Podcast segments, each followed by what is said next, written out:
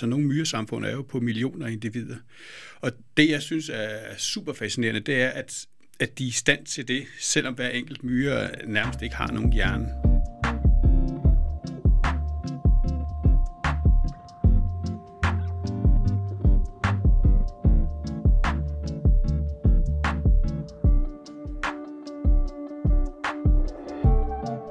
Og velkommen til Videnskabskanonen, din videnskabspodcast. Min navn er Kasper, og i dag skal vi tale om myrerne og deres supersamfund.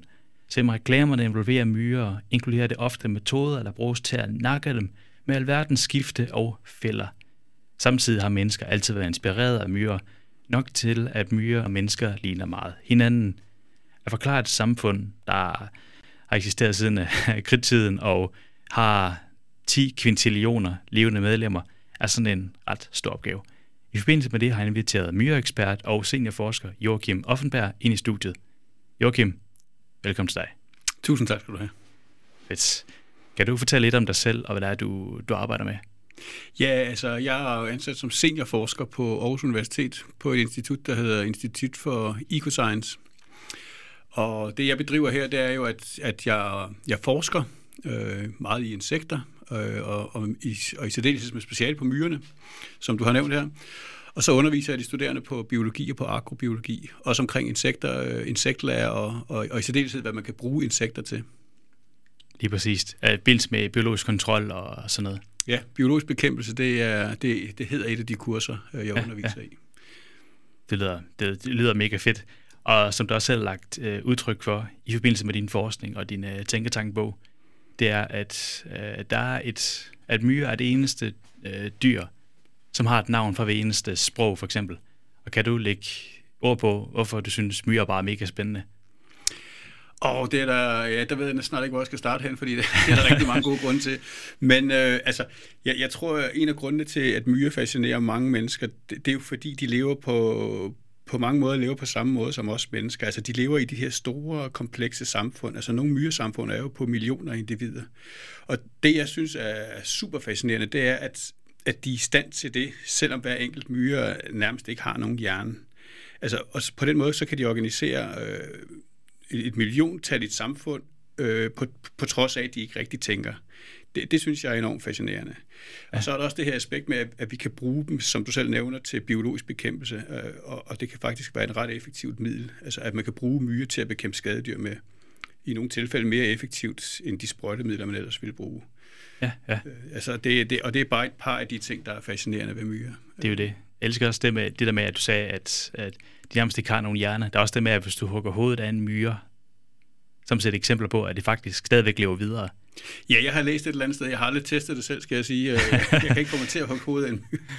Øh, men jeg har læst et sted, at, at en myre, den, øh, den har så lille hjerne, at den kan leve flere dage uden sit hoved. Ja, ja. Det er nok, fordi de er så simple, at deres hjerne nok ligger mere i deres ryggrad, eller deres... Ja, lige nøjagtigt. Ja, ja. De, de, har, de har det, man kalder for et ganglie, som, som slet ikke kommer i nærheden af det, vi normalt kalder for en hjerne, men, men har lidt samme funktion. Men ja. som du selv siger, den er meget mere fordelt i kroppen på en myre, øh, ja, i forhold til ja. os selv, hvor, hvor, det, hvor det hele sidder i hovedet på os. Ikke? Det er klart.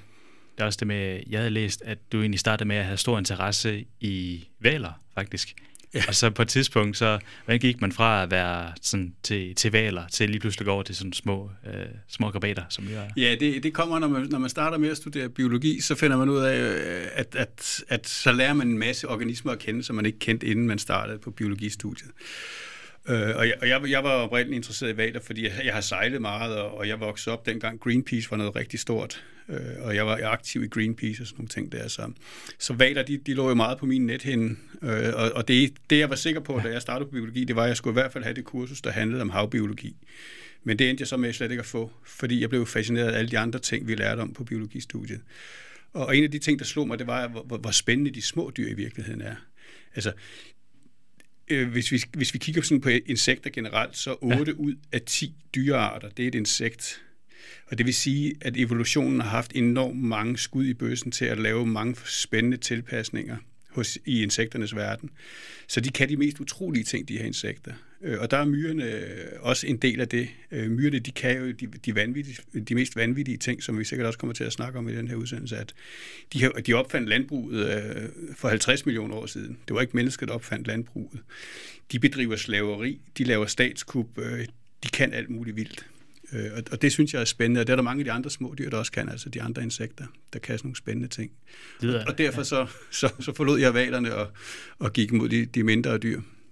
Altså lige præcis, jeg synes også, det, det, det er vildt fascinerende ved dem, det med, at de er så, de mimerer vores samfund øh, så, så helt utrolig meget, og som du også gav indtryk øh, i, i forbindelse med din, din forskning og din tænketankbog, er, at, at øh, myresamfundet er faktisk noget, vi klæder rigtig meget af. Øh, har du noget med sådan at give os en hurtig øh, rundtur igennem sådan myretuen, hvordan sådan fungerer som et samfund? Ja, altså det de fleste nok kender, det er noget, der hedder en myredronning. Hun er ligesom den centrale enhed i samfundet, og, og det er hun, fordi hun er den eneste myre, der kan producere nye myrer. Øh, alle de myrer, vi ser, der render rundt hjemme på terrassen, det er stort set alle sammen arbejdermyrer. Øh, det spændende ved det, det er, at de er alle sammen hunder, men det er hunder, som er sterile. De kan ikke reproducere, så det er kun dronningen, der kan det. Øh, så de er designet, så på en eller anden måde kan man, kan man betragte de her arbejdermyrer som dronningens celler. De hænger bare ikke sammen med hende selv. Øh, og det, der så også er fascinerende, det er, at de er jo, de er jo specialiseret i mange forskellige arbejdsretninger. Øh, nogle passer afkommet, altså det, dem kunne man betragte som pædagoger. Ja. De skal passe æggene og larverne, som, som dronningen har, har produceret. Mm.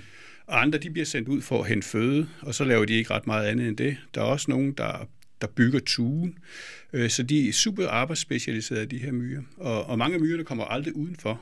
Øh, og det betyder også, at dem, dem der er ude, øh, dem, der, dem, der fouragerer uden for tuen for at finde mad, ja. de skal så bringe maden hjem til de andre og fodre dem. Så de, fod, så de voksne fodrer sådan set også hinanden i sådan et myresamfund. Øhm. Der er måske også det med, at, at soldatermyrerne, de måske også, du kan forestille mig, at myrer, de har de bider, de kan skyde øh, syre for eksempel, så kan jeg forestille mig, at soldatermyrerne har større kæber, eller er struktureret til ligesom at gå i krig for eksempel, mens du kan forestille mig, at jeg læste tidspunkt, at findes de her myrer, hvis lidt funktion er, at de har sjove hoveder, eller de har specielle hoveder, der gør, at hvis myretun ligesom bliver invaderet af udefrakommende trusler, øh, eller bliver oversvømmet, så kan de ligesom stikke deres hoved ind i et hul. Sådan der. Og så kan de ligesom lukke øh, myret til, eller myretun til, ligesom ofre sig selv for, for, for resten af myretun. Ja, altså, ja, og det, og det er jo også super spændende det her med, at, at vi, vi, vi, altså også mennesker, vi jo betragter os, selv, så, os selv som arbejdsspecialiserede, men vi er ja. det jo kun på, på det adfærdsmæssige plan. Nogle af os bliver gode til at bygge cykler, nogle bliver gode til at bygge hus, og så videre, så videre. Men i myrernes verden, der går de skridtet videre, de er også adfærdsmæssigt specialiserede, men de kan også bygge individer, der passer til en bestemt arbejdsopgave. Ja. Og som du selv nævner, så er der jo nogle myrearter. Vi har ikke nogen myrearter i Danmark, der har soldater, men tager man, tager man øh, længere sydpå, så kan man finde myrearter, som producerer soldater myrer, som er bygget til kun at kunne slå ihjel, kan man sige, til at kunne forsvare samfundet. Så de har kæmpe store kæber og kan bide rigtig hårdt og har store giftkirtler. Øh, der findes jo den der myre, der sådan lidt populært bliver kaldt al-Qaida-myren.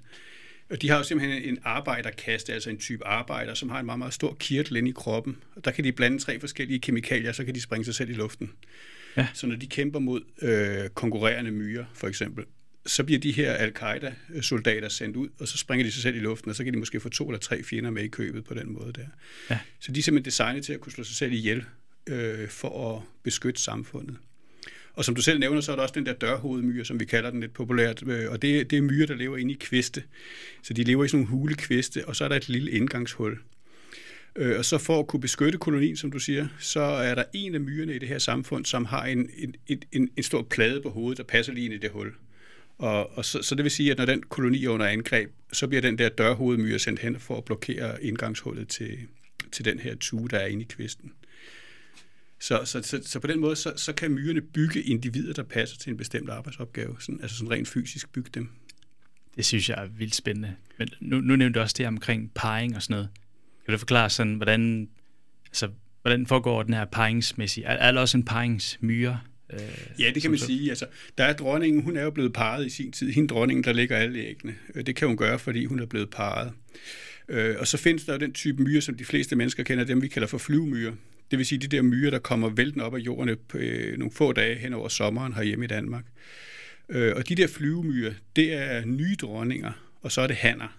Øh, hvis man kigger godt efter, så kan man se, at der er to størrelser. De store, det er de nye dronninger, som har vinger på. Og de små af dem, det er så hannerne, som også har vinger. Og grunden til, at de har vinger, det er fordi, at nu skal de her dronninger jo ud og parre sig. De her nye dronninger skal ud og parre sig med nogle hanner. Men de må ikke parre sig med hannerne fra den samme tue, som de selv kommer fra, for de har den samme mor. Det er det. Altså, så kommer der ja, indavl i det. Ja, så bliver de indavlet. Og det er derfor, de har vinger på. Øh, og så sker der det, at de bliver produceret i løbet af foråret og forsommeren. Øh, og så venter de på, at der kommer en god sommerdag. Øh, og det kan, de, det kan de registrere ved, at de enkelte myrer, de kan, de kan mærke tryk. Altså, hvad er trykket i, i luften lige nu? Ja. Og så venter de på, at der kommer en højtryksdag.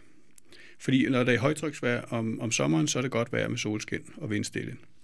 Så det kan de mærke.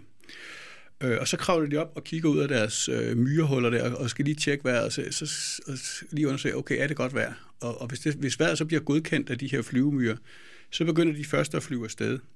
Og så udskiller de et feromon, så alle de der myrer, der er i nærheden, altså et duftstof, så, så alle andre myreture i nærheden kan lugte, okay, nu er der nogen, der er fløjet, så flyver vi også. Og så udskiller de også det samme feromon, og så breder det her signal sig som ringe i luften, kan man sige. Og det betyder, at, at alle myrerne flyver på samme tidspunkt på den samme dag, måske i hele Østjylland. Og så er hele pointen, at så, så de her dronninger, der flyver til værs, de bliver jo blandet med hannerne fra nabokolonierne. Øh, så man ser, at de flyver rigtig højt til værs, og så kan man se, at, at mågerne de sådan ligger og sværmer rundt på himlen, fordi de æder de her flyvemyrer. Øh, men pointen for dronningen det er, at hun, hun kan møde en han fra en anden tue, og så parer de sig. Øhm, og han, han dør efter parringen, så er hans rolle udspillet, kan man sige. Han er sådan set bare en flyvende sædcelle. Ja. Så han skal parre den her dronning, og så dør han. Øh, dronningen derimod, hun, øh, hun, hun, hun flyver tilbage ned på jorden, og så skal hun starte et nyt samfund helt ja. alene. Øh, og så river hun vingerne af, dem skal hun aldrig bruge igen. Øh, og det er derfor, at, at moderdronningen i de her samfund, de er som regel vingeløs, fordi de har pillet vingerne af sig selv igen. Jeg synes, det er vildt fascinerende, at den her paringsmyre, den seneste funktion er at, at vente til en dag, hvor der er ret vejr, have sex en gang, og så dø. Ja, Altså det, det, det viser handernes funktion i, i den her verden, det er, det er at, at, at få blandet generne til næste generation. Og det vilde ved det, det er, at dronningen, hun har jo sådan set også kun sex den her ene gang i livet. Ja, ja. Øh, fordi hun graver sig ned, og så skal hun aldrig parre sig igen. Og det er på trods af, at de kan leve op til 30 år, sådan nogle dronninger. Og det kan lade sig gøre, fordi at dronningen har et, en kirtel i bagkroppen, der hedder et sædgemme, og det er sådan set en sædbank. Øh, den her kirtel kan holde, holde liv i den her hans sædceller i de der 30 år. Så det er simpelthen en kirtel, der er, der er konstrueret til at kunne nøse de der sædceller i rigtig mange år. Øh, så hun har et lige så kedeligt sexliv, men til gengæld et meget længere liv. Ej, det, det, det, det er virkelig sjovt, og det er vildt spændende. Også det med, at de er så godt struktureret og sådan noget. Og jeg har selv den opfattelse, at, at grund til, at de, deres samfund er så velfungerende, er både fordi de er så specialiserede, men også fordi, at, øh, at øh, deres kommunikation er så forenklet. Øh, kan du lægge nogle ord på, hvorfor de, øh, hvad hedder det, øh, altså hvordan den her kommunikation fungerer? Ja, ja.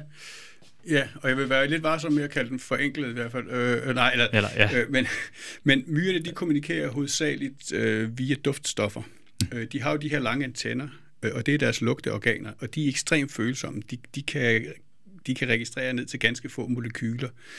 Øh, så, så de har nogle meget, meget følsomme lugtorganer. Og så alle myrerne, de er, er næsten, altså hele deres krop er tæppebumpet med kirtler. De har et hav af kirtler i kroppen. Og de her forskellige kirtler kan producere forskellige kemiske forbindelser. Og dem kan de så øh, udskille øh, og på den måde bruge duftstoffer til at kommunikere med hinanden på. Og, og man troede nemlig, da man, da man fandt ud af det her, så troede man nemlig til at starte med, at det var simpelt. Øh, så, så de her kemikere, de tænkte, okay, nu kan vi begynde at snakke med myrerne, fordi vi ved, at de kommunikerer med kemiske stoffer. Men det viser sig bare at være meget, meget sværere, end man havde troet, fordi altså, de bruger, det, det er ikke bare sådan, at et kemisk stof betyder én ting, og et andet kemisk stof betyder noget andet. De blander dem, og, og, og laver man, altså, ændrer man en lille smule på blandingsforholdet, så betyder det noget helt andet. Og så arbejder de i så små doser, som, som vi næsten ikke, altså som kemikere næsten ikke kan arbejde med. Så det viser sig, at de faktisk har et meget, meget komplekst sprog. Øh, og, man, og man ved, kan man for eksempel se, når man opdager, at myrer de går på sådan en myresti, ja. så er det jo fordi, at myrerne har lagt et stiferomon, som vi kalder det, altså et duftstof, som de, som de sætter på, på underlaget, så at de andre myrer kan finde vej. Øh, ja. Og derfor så går de alle sammen på den samme sti. Og hvis man gnider på stien med fingeren, øh, så vil man opdage, så stopper de op og er fuldstændig forvirret, fordi så har du fjernet det der duftstof. men vi kan jo hverken lugte eller se det også mennesker, men det kan my- myrerne, de kan i hvert fald meget, meget tydeligt lugte det. Virkelig spændende. Så kan man lave sådan et, en trafikprop på den måde, ja. med at er så, ja, så, så dybt afhængige af det her men det, er også, det tror jeg også, det er en ting, der gør, at der er ikke så meget miskommunikation. Ja. Fordi at sige, at, at det kan godt være, at det er meget sådan blandet, men jeg tror på, at de er rimelig klare i deres, øh, deres signaler. Jeg siger, hent mad, stop, start. Der er også det her med, at, at man kan bare bruge der små laver, eller det har man set eksempler på, at, hvor man bruger laver som limpistoler. Det med at give dem et klart symbol, eller signal på, at, at nu skal de lime, nu skal de stoppe med at lime. Ja. Det synes jeg, det er vildt spændende. Og der er det faktisk en, en, en øh, der, der er det faktisk taktil kommunikation. Øh, hvis, altså det vævemyren, du snakker om her nemlig. Ja. Øh, og de, de væver bladene sammen op i træerne.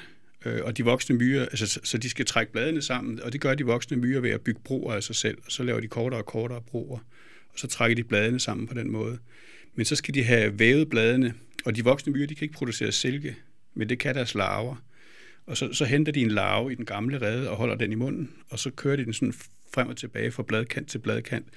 Og samtidig med, at den gør det, så, så trummer den voksne myre larven der på forkroppen og siger, for ligesom at, at signalere med taktile berøringer, at nu skal du hæfte tråden, og nu skal du, nu skal du spænde, og nu skal du hæfte, og så videre. Ja. Øhm, så, der, så de har faktisk også et taktilt sprog, altså et berøringssprog, hvor, hvor de kommunikerer ved at berøre hinanden. Det er vildt fascinerende. Det, det, det, det, det, det, det er vildt vildt. Men, men det her, det kan vel også udnyttes af, af hvad det, skadedyr og sådan noget. Men det med, at jeg hørte, at sommerfuglelaver, de kan udnytte det her. Ja, ja der, du tænker måske på, at der er nogle sommerfuglelaver, der lever af myrelaver. Ja, lige præcis. Ja. Det med, at, at jeg ved ikke, om de kan mimere øh, det sprog, myrerne har, men det med det med, at myrerne tager sig af den her larve. Der er tydeligvis ikke lige en deres egen laver, men ja. den bliver ligesom narret til at tage sig af den. Og det, og det viser meget tydeligt, at, at duft er den alt overvejende kommunikationsform, fordi vi har nogle blåfugle herhjemme, de der små, ganske små blå sommerfugle, meget, meget kønne små sommerfugle. Og ja. nogle af de arter, de har en larve, der, der faktisk er et rovdyr, altså som et meget sjældent eksempel på, at en sommerfugl ikke spiser blade. Det gør, den, det gør den lige til at starte med. Men derefter, så, øhm, så, begynder, så, så lader den sig falde ned på jorden, den her sommerfuglelarve, øh, og så ligger den og dufter. Så har den samme duft som en myrelarve. Så når der kommer en myre forbi, så tror den, hov, der er en af, en af mine medmyrer, der har tabt en af vores larver her. Det går ikke, den tager jeg med mig hjem. Og så bliver den her sommerfuglelarve altså taget med hjem i myreboet, og så tror myrerne, at det er en myrelarve. Og det, og det er, fordi den lugter på den rigtige måde. Og så får den, når den så kommer ned i myreboet, så får den lov til at æde myrelarverne. Øh, så, så hvis, man har den, hvis man har den rigtige duft, så kan man narre myresamfundet.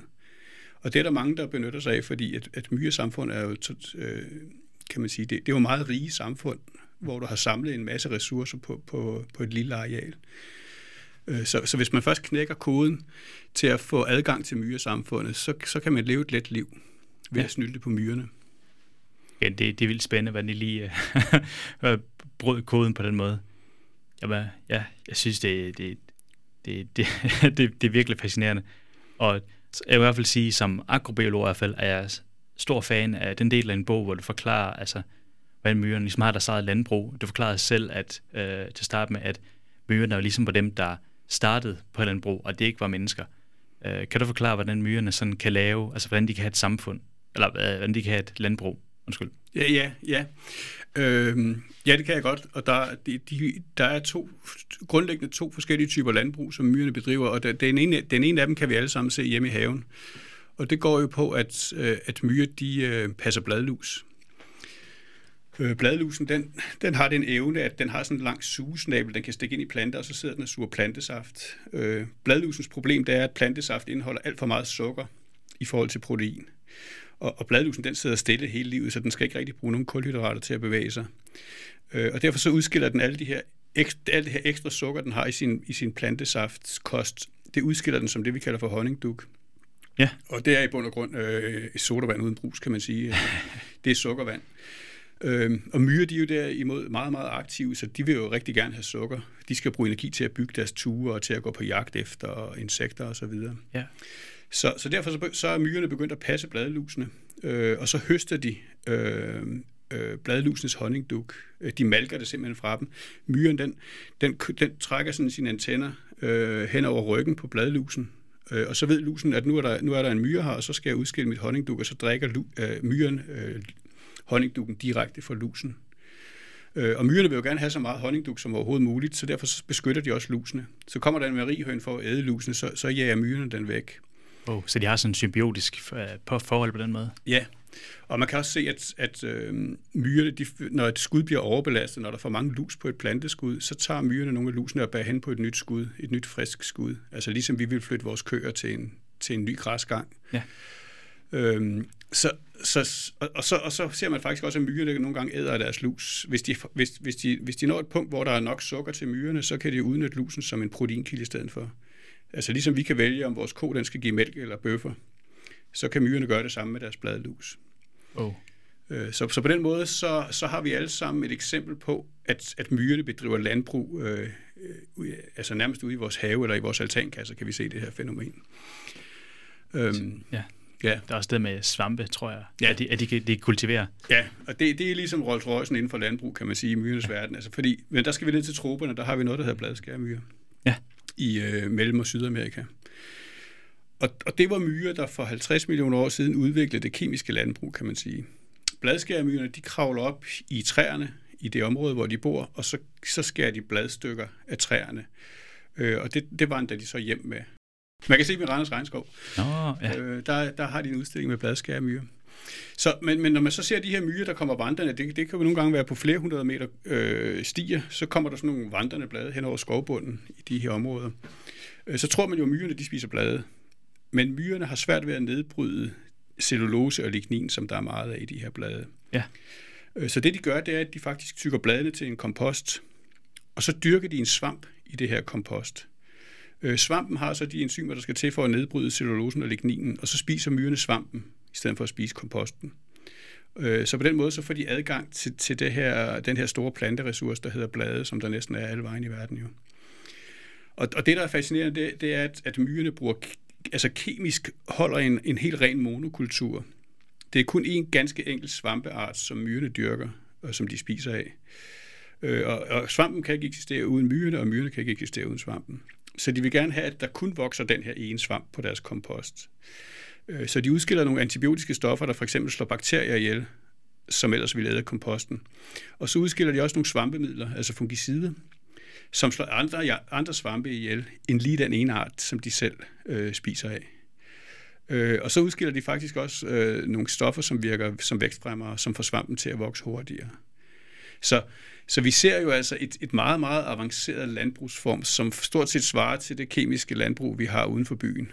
Ja, det skulle jeg også til at sige. Det, der, det, det ligner meget. De imiterer meget. En anden virkelig meget. Ja, altså, og, og det her, det, det udviklede sig for 50 millioner år siden. Så, så hvis man går rundt og tror, det var menneskene, der, menneskene, der opfandt landbruget, så, så, så er det ikke helt rigtigt. Det, det, det, det, det, det, det, det er virkelig interessant. Også det med, at, at, at det med en ting er, at myrer har deres eget landbrug, men vi, det er også det med, at vi kan bruge dem i vores landbrug. Og det var det, du sagde før, der med det her biologisk bekæmpelse, med at de kan bruges som alternativ til pesticider. Øh, altså, hvad, hvad har brug sådan små myrer? Hvad, hvad kan de hjælpe med?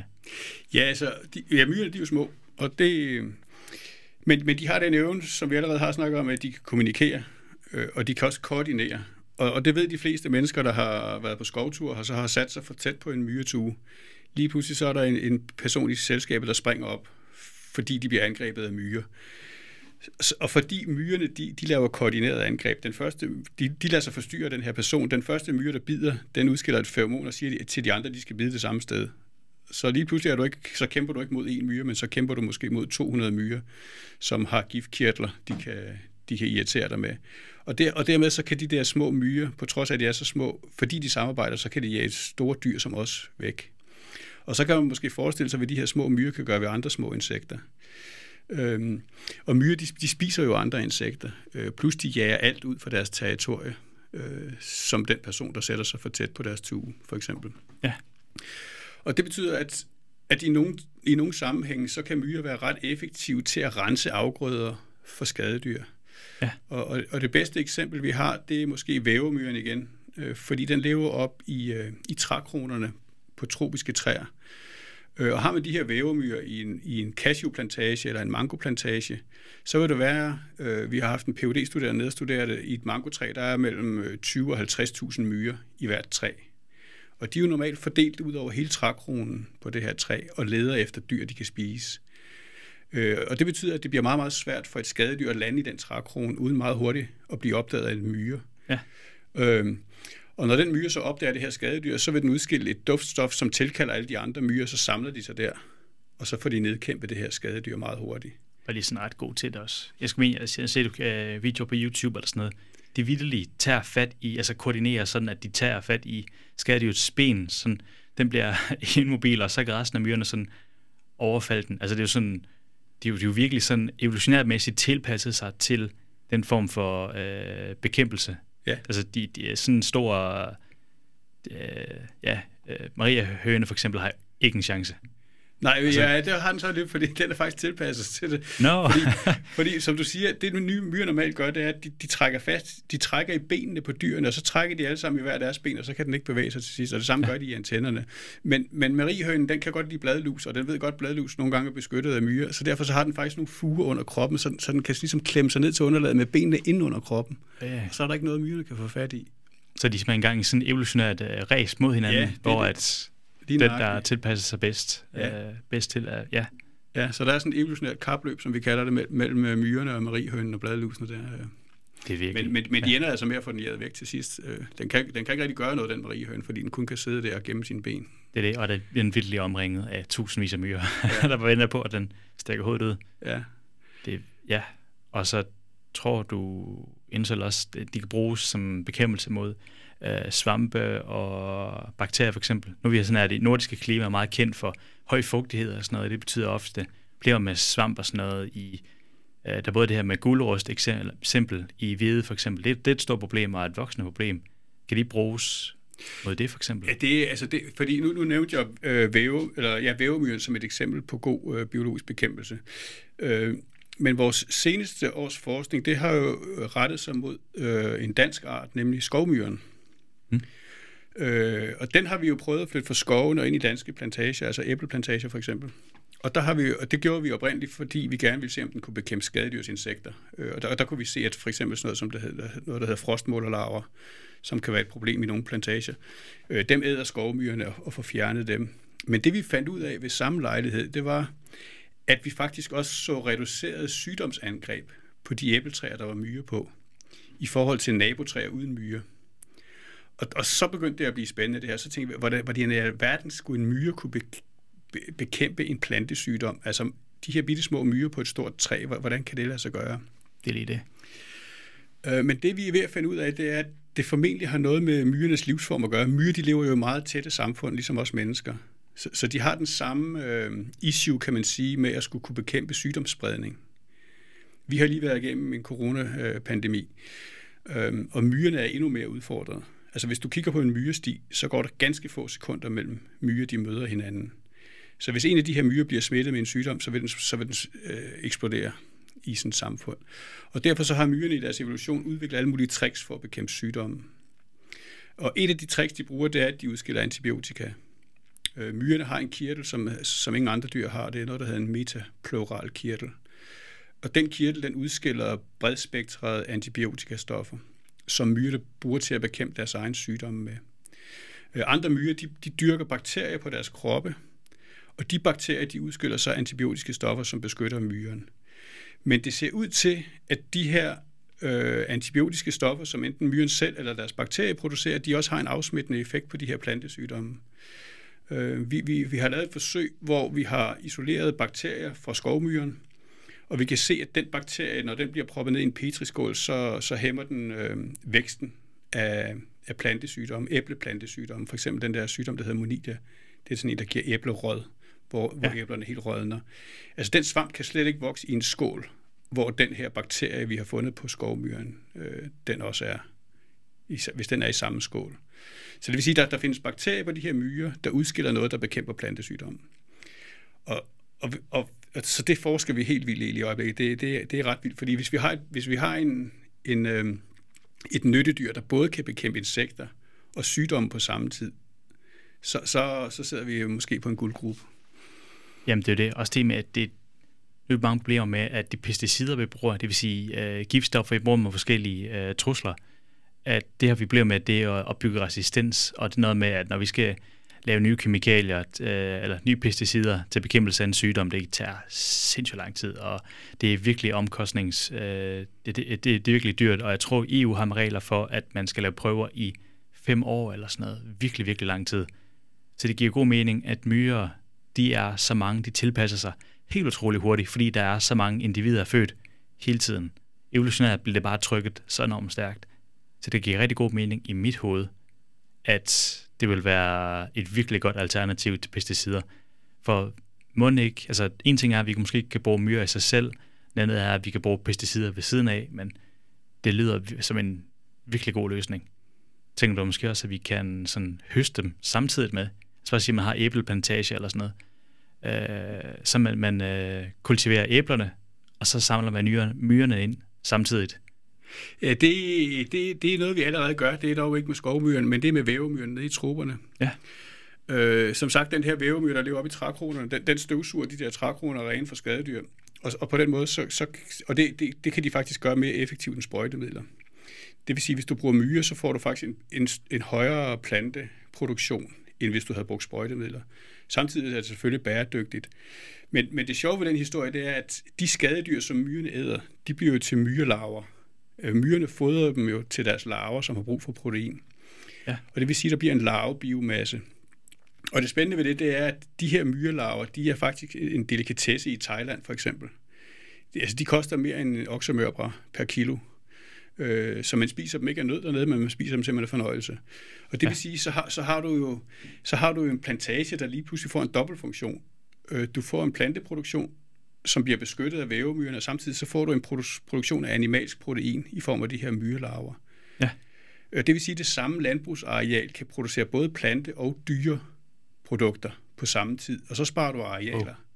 samtidig med, at det er bæredygtigt. Øhm, så, så, så på den måde, så, så er det rigtigt, hvad du siger, at, at man kan faktisk godt udnytte øh, myrerne dobbelt, både til biologisk bekæmpelse og til, øh, til animalsk protein. Der er også, ja, det vil jo give god mening, det med, at man siger, at øh, vi skal have flere proteiner, eller vi er en voksende befolkning. Øh, befolkningen stiger eksponentielt, vores dyreproduktion stiger lineært. Om der spørgsmål er, om der kommer til at være nok proteiner i fremtiden. Der er mange, der siger, at øh, insekter er en rigtig god løsning til det, fordi de er stoppet med proteiner, og er ikke lige så krævende som en, øh, en ko eller en gris er, og det med, at vi kan spise insekterne hele. Så jeg tror faktisk, det kunne være en rigtig god løsning. Udefra i hvert fald, så ligner myrerne i hvert fald som et, en guldgruppe, vi ikke har implementeret endnu. Selvom, som du sagde, oppe i trupperne, er, har de allerede gjort det til en vis grad. Ja, det er rigtigt. Det synes jeg, det, det, det er virkelig, øh, virkelig spændende. Øh, ser du sådan, at i fremtiden, så den der form for øh, biologisk bekæmpelse sådan, være en del af vores landbrug? Ja, det tror jeg. Øh, jeg, jeg ved ikke, hvad markedsandelen ligger på, men den er ganske lille. Den ligger måske omkring 10 procent øh, i forhold til, til øh, de kemiske midler. Men, men jeg ved også, at den er stigende. Den er stærkt stigende. Altså, der findes over 100 forskellige nyttedyrsarter, man kan købe, som bliver kommercielt produceret. Øh, og biologisk bekæmpelse har været en kæmpe succes i drivhus, for eksempel. Der, altså, hvis du går ned, går ned og køber en konventionel agurk i dag, så har den, så har den ikke været sprøjtet med, med insektsprøjtemidler. Øh, og det er fordi selv de konventionelle avlere bruger biologisk bekæmpelse nu, fordi det er billigere og bedre end sprøjtemidlerne. Så i de her lukkede systemer, der har biologisk bekæmpelse været en kæmpe succes. Vi mangler stadigvæk et stort gennembrud på de åbne marker. Øh, fordi altså, hvis man køber en masse nyttedyr og slipper ud på en åben mark, så, så kan de dø, hvis det bliver dårligt vejr, eller de kan flyve væk. Ja. Øh, så vi mangler stadigvæk et, et stort gennembrud der. Øh, og der, der tror vi måske, at myrerne kan være en game changer, fordi de er stationære. Altså, en skovmyretue, den flytter ikke lige sin tue. Det, det vil tage den ugevis at gøre det. Øh, faktisk så, så, så er tuen designet på en måde, så de kan klare dårligt vejr, for eksempel. Så de har sådan set ja. brug for at flygte, kan man sige. Men man, man kan selvfølgelig ikke bruge skovmyreture ude på en kornmark, øh, fordi man, øh, jord, man jordbearbejder kornmarken. Men, men man kan i hvert fald bruge dem i frugtplantager og i andre, andre for eksempel i, øh, i skovlandbrug, som man snakker meget om nu her, nu om dagen, hvor man for eksempel kombinerer træer med grøntsager. Så vil myreturene kunne stå mellem træerne, og så måske både beskytte træer og grøntsager. Øh. Så jeg tror helt, helt sikkert, at biologisk bekæmpelse, det, det, det er noget, der vokser, og, og det bliver fremtiden. Fordi som du selv siger, så bliver det mere og mere vanskeligt at, frem, øh, at få godkendt pesticider, altså sprøjt, de kemiske sprøjtemidler. fordi der skal, der skal flere og flere godkendelser til, og jeg tror, det tager omkring 10 år eller sådan noget at ja. udvikle det. Og som du også selv nævner, så er det svært at, at, at få udviklet nye sprøjtemidler hurtigere, end de allerede udviklede sprøjtemidler øh, bliver ineffektive, fordi skadedyrene udvikler resistens. Så, så der er sådan en kapløb, kapløb mellem resistensudviklingen og så at få udviklet nye pesticider. Og derfor har pesticiden det faktisk lidt svært. Ja, og der er myrerne lidt bedre til at... Ja, ja, det, ja det, fordi det, der, det. der har du ikke alle de der godkendelsesprocedurer, du skal igennem, for eksempel jo. Øhm, og, og, og, og man vil også se, altså, der vil jo være et koevolutionært kapløb mellem myrerne og dens bakterier, og så de der sygdomme, for eksempel. De vil hele tiden tilpasse sig hinanden.